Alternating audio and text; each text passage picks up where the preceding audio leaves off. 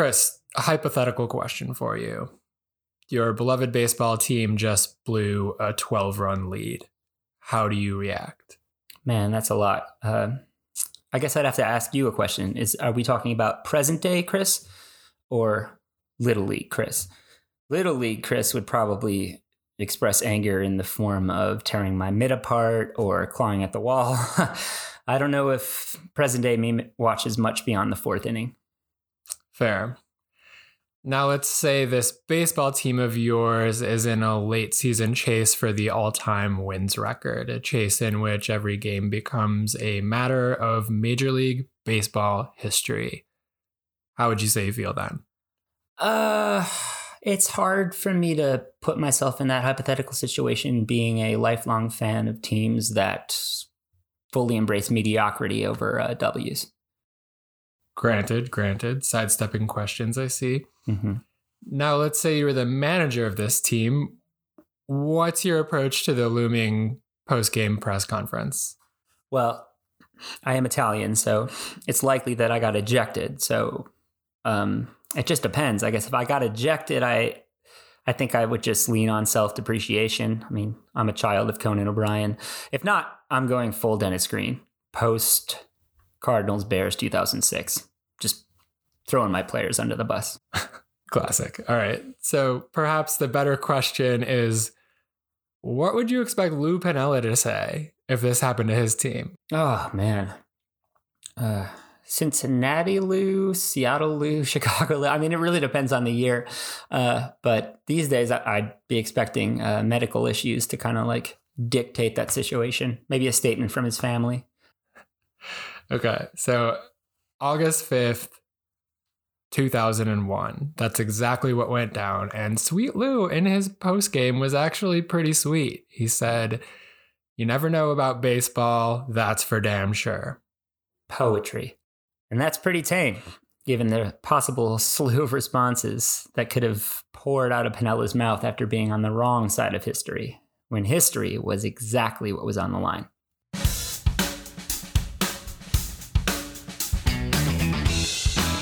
I'm Chris DeSalvo.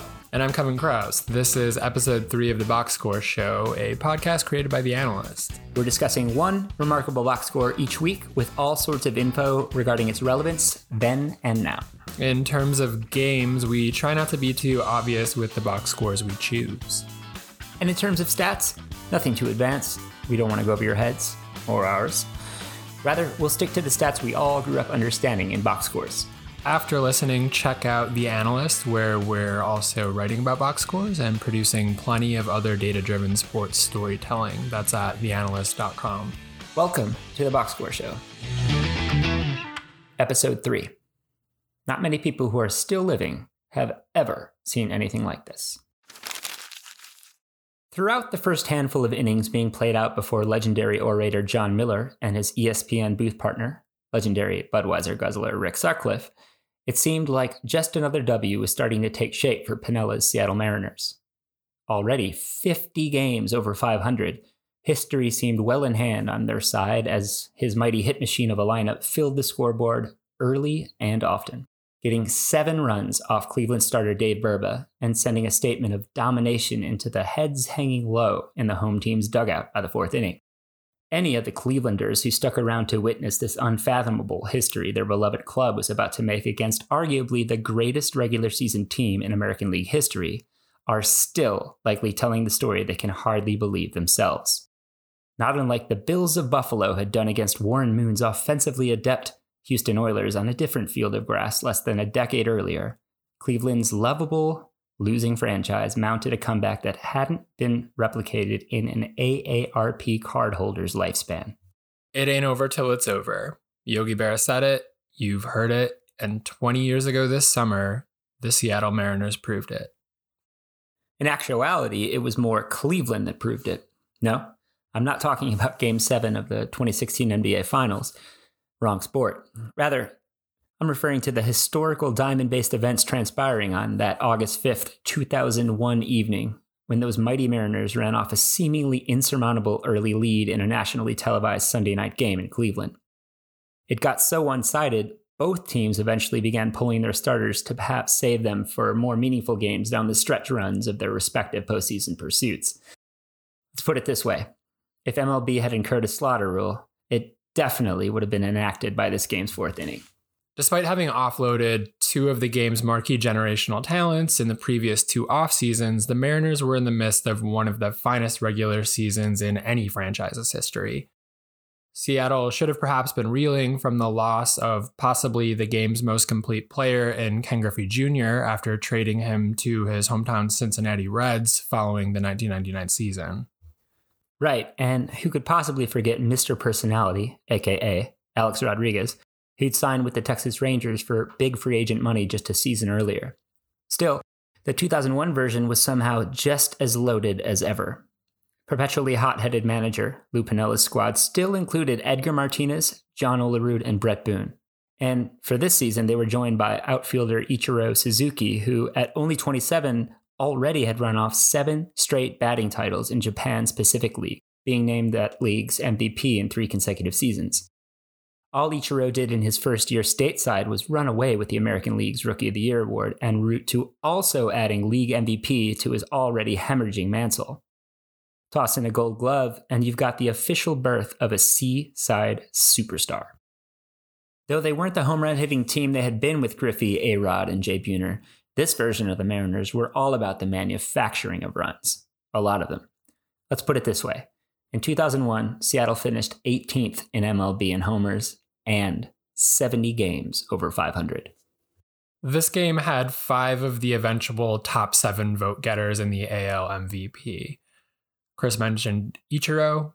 He was followed by Oakland's Jason Giambi, but after that it was Bret Boone and Cleveland's Roberto Alomar and Juan Gonzalez. Next was Money's biggest fan, A-Rod, and Cleveland fan favorite James Howard Thome. Thome finished 2001 with 49 dingers, two of which he swatted in this very game we're speaking of today. As we all know, 49 home runs has traditionally been an exceptional number of home runs in Major League Baseball history not 2001. He finished 24 behind Barry Bonds and tied for fifth in the bigs. 73 homers. Asterisk City. And then there's Bret Boone, who at this point in the season had 102 RBIs already. He wasn't even in the lineup for this game.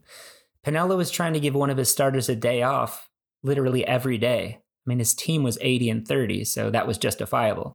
They already had a 20 game cushion over second place Oakland which was a season away from making Billy Beane an analytics pioneer and Michael Lewis a New York Times best-selling author.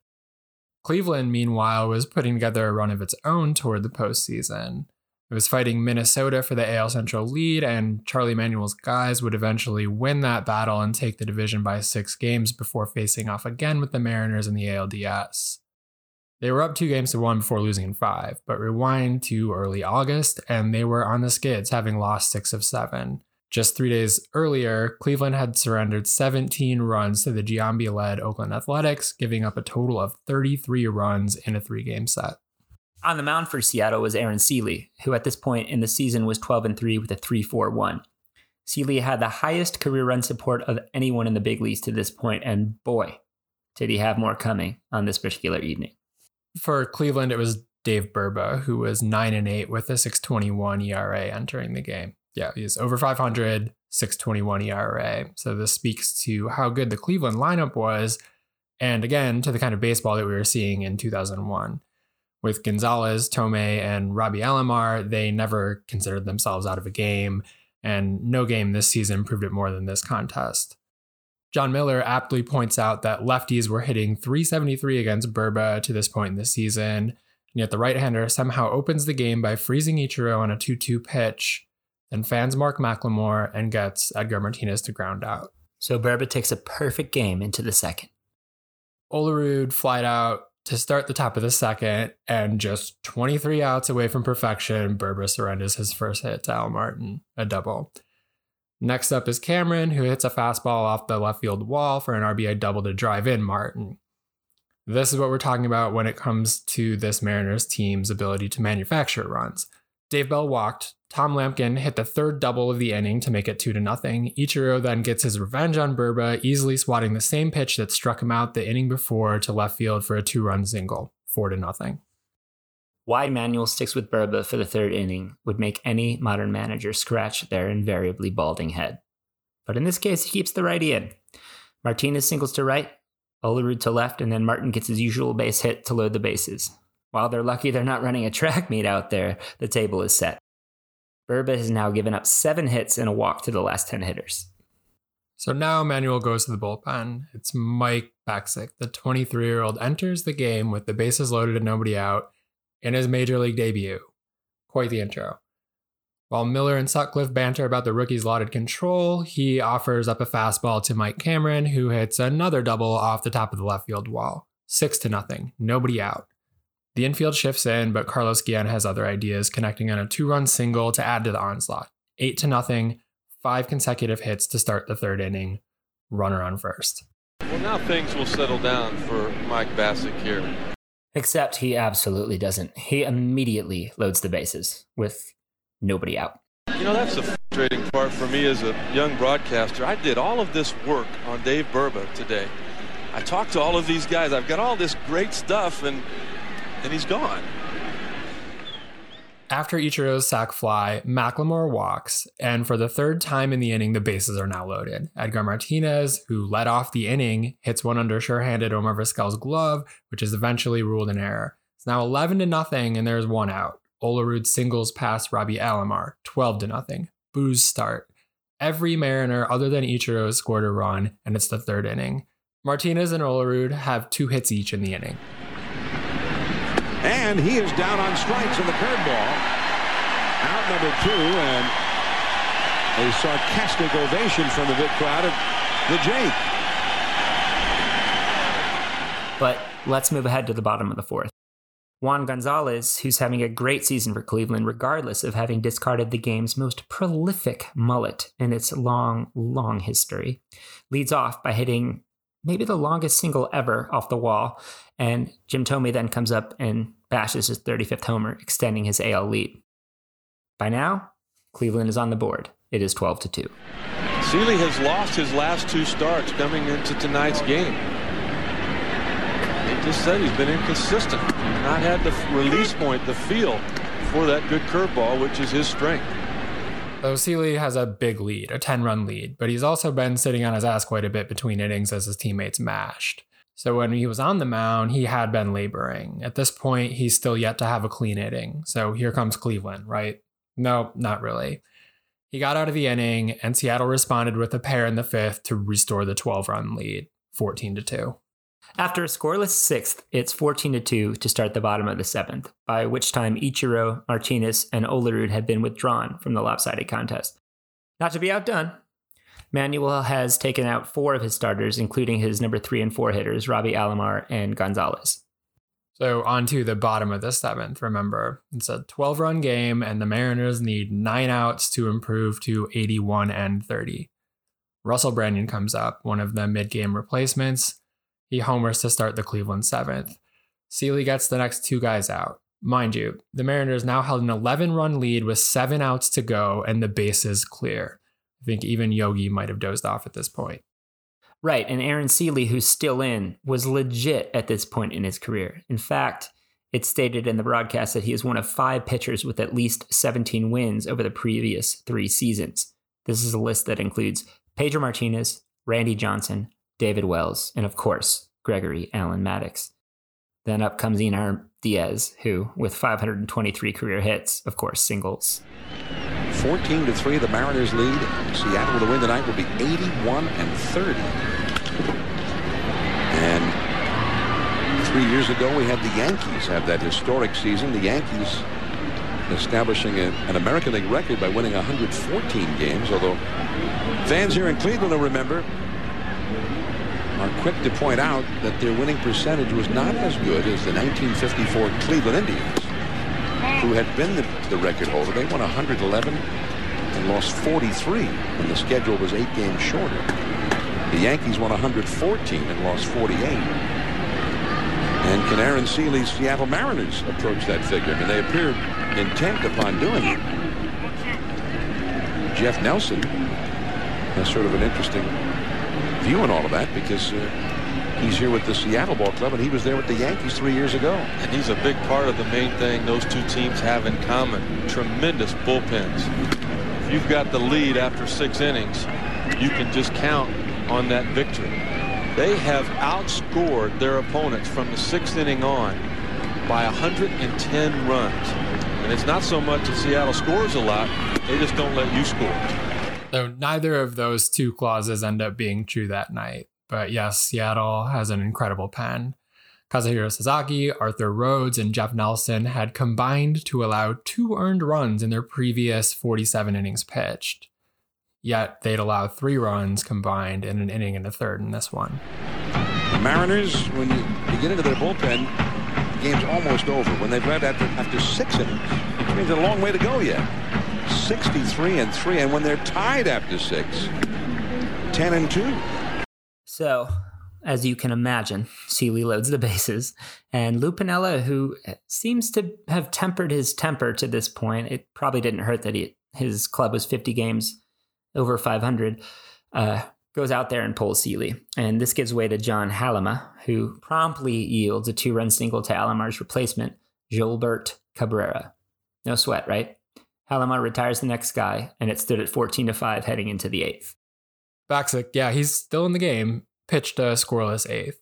Nevertheless, he allowed seven runs in six innings after starter Dave Burba was charged with seven of his own. It stands as the only time in the modern era that a team has won a game despite having two pitchers allow seven plus runs apiece. And here's how they got the win. Bottom of the eighth starts with Thome hitting an opposite field home run, which you never see. It's also his 36th of the season and his second shot of the game. So we're at 14 to 6.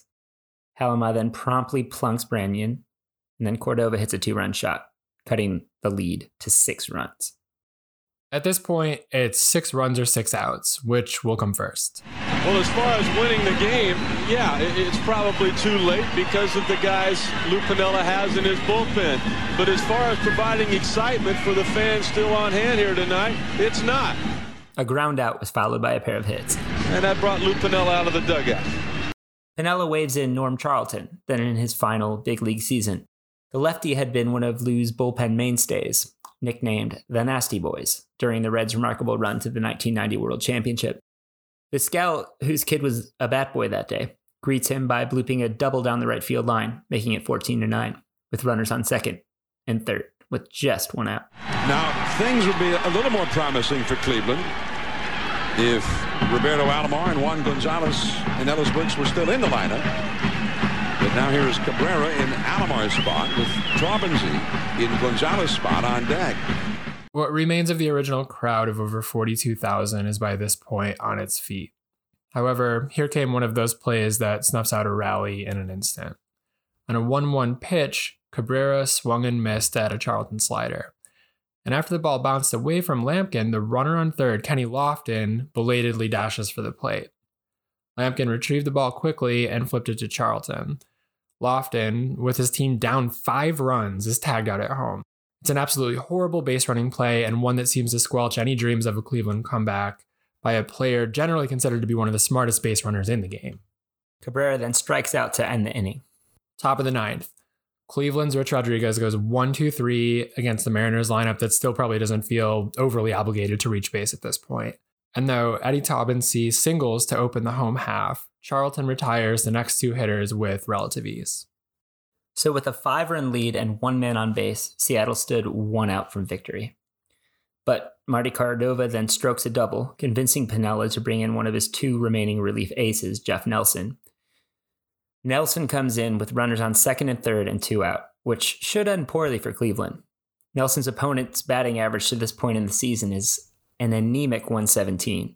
In 46 innings, he's allowed only 18 hits and fanned 70. And there's more good numbers we could put up if there were just more room. But Wil Cordero pushes Nelson to a full count and he eventually walks, filling the bases, and Diaz keeps things moving with a two run single to left. Cleveland now trailed 14 11 with a potentially tying run coming to bat. ESPN is by now showing long shots of Piniella just kind of standing in the dugout, hoping for him to react to something. And who comes up but Kenny Lofton? looking for redemption, obviously, as he had made a fielding blunder early in the game and a base running blunder the previous inning. The Lou Piniella cam reveals the Mariners manager smiling in the dugout at this point. He might have been on his phone. Who knows? Either way, a rarer sight has yet to be seen in a major league dugout. Kazuhiro Sasaki, who would finish the season with 45 saves, replaces Nelson. And Lofton punches a single to left, loading the bases for Vizquel. Sutcliffe aptly notes uh, the issues he's having and how the Mariners are playing Vizquel at this point. A little bit surprised that Charles Gipson is so shallow in right field. Now, we should add that Vizquel looks awful at the start of this at bat. There are two swinging strikes where his head is probably around before his bat. But then he lays off two pitches down. It's a 3 2 count. He fouls two more off. Then Vizquel pulls a sharp grounder between substitute first baseman Ed Sprague and the line. And as the ball rolls to the right field corner, all three base runners score. And I have never heard Jon Miller this excited. Down the line! It's headed into the corner! One run is in! And it goes through! They have tied the game! Vizquel to third! It's 14 to 14! Unbelievable! They have come back from a 12-run deficit and tied the game. Now they can go for the win. And they are delirious in downtown Cleveland. It's interesting to note here that Sprague had replaced Olerud, an accomplished defensive first baseman who might have guarded the line and gobbled up Vizquel's grounder for the final out. Sutcliffe calls the Mariners out for not playing deeper in right field, not guarding the line at first, and not giving him a contract the previous year. does does that even make sense? Like hadn't hadn't he been out of baseball for five years or so? Anyway, okay. Sometimes it's not scripted. So what's just taken place is MLB's first ninth inning, game tying, two out, three run triple since Barry Bonds had delivered one for the Pirates in 1992. Remarkably, Bonds produced that big blow on a Sunday game in Ohio against the Reds, managed by Lou Piniella and off of Norm Charlton. Uncanny. So, with the would be winning run 90 feet away from home, Sasaki then battles back from a 3 0 count to retire Cabrera, sending the game into extra innings tied at 14. No MLB game had headed for the 10th inning with so many runs having been scored in 22 years. Not since the Cubs and Philadelphia Phillies had gone to the 10th, tied at 22 in 1979. The Phillies won that one. Can you believe that? 23 to 22 on Mike Schmidt's 10th inning homer. And we'll definitely have to discuss this game at some point. So we have seen an historic game tonight. and not many people who are still living have ever seen anything like this. Following a scoreless 10th, Cleveland's John Rocker came in for the 11th and struck out the side. In the bottom half, Lofton and Vizquel singled off Jose Paniagua to each reach base for the fourth time since the seventh inning. Then Cabrera, swinging at the first pitch, bloops a broken bat hit to left, and McLemore's throw is late as Lofton dives into home successfully this time. And with that historic slide, the Mariners' record dips to only 49 games over 500. This is the final time their winning percentage would be so low in 2001. Cleveland, after trailing 12 to nothing and 14 to 2, had come back to win 15 to 14, tying the major league record for the largest deficit overcome in a victory.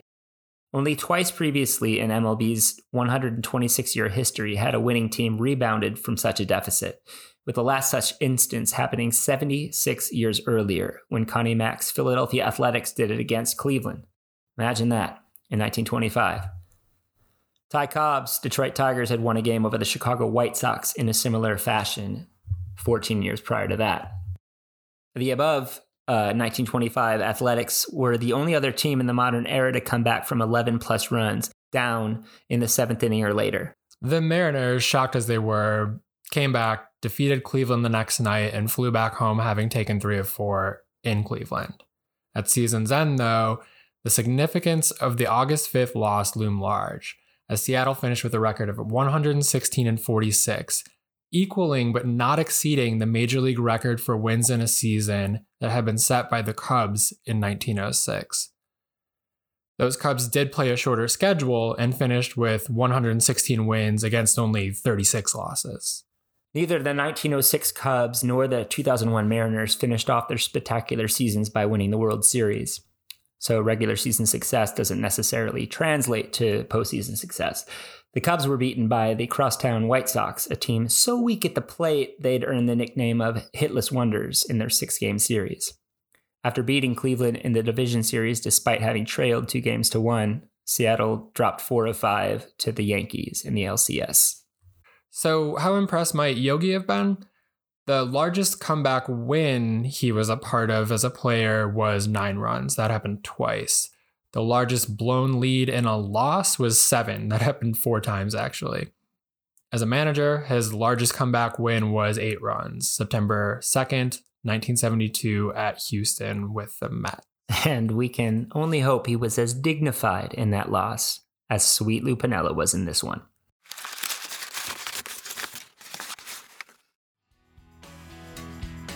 That's it for the Box Score Show. This episode was written by Steve Hurt, Kevin Chroust, and myself, Chris DeSalvo. And it was produced by Graham Bell. And as always, props to the Stats Perform research team because Kevin and I tend to screw a lot of things up. This time more than ever. And we used some archive audio from ESPN to get those calls right. Thanks for listening. We'll be back. And until then, head over to theanalyst.com for plenty more data driven storytelling. And you can send suggestions for box scores you'd like to hear about on the show or read about on the site to editors at theanalyst.com. And please be sure to let us know what we may have overlooked in this box. That was Kevin Chroust, and I'm Chris DeSalvo. This has been the Box Score Show, a production of The Analyst and Stats Perform.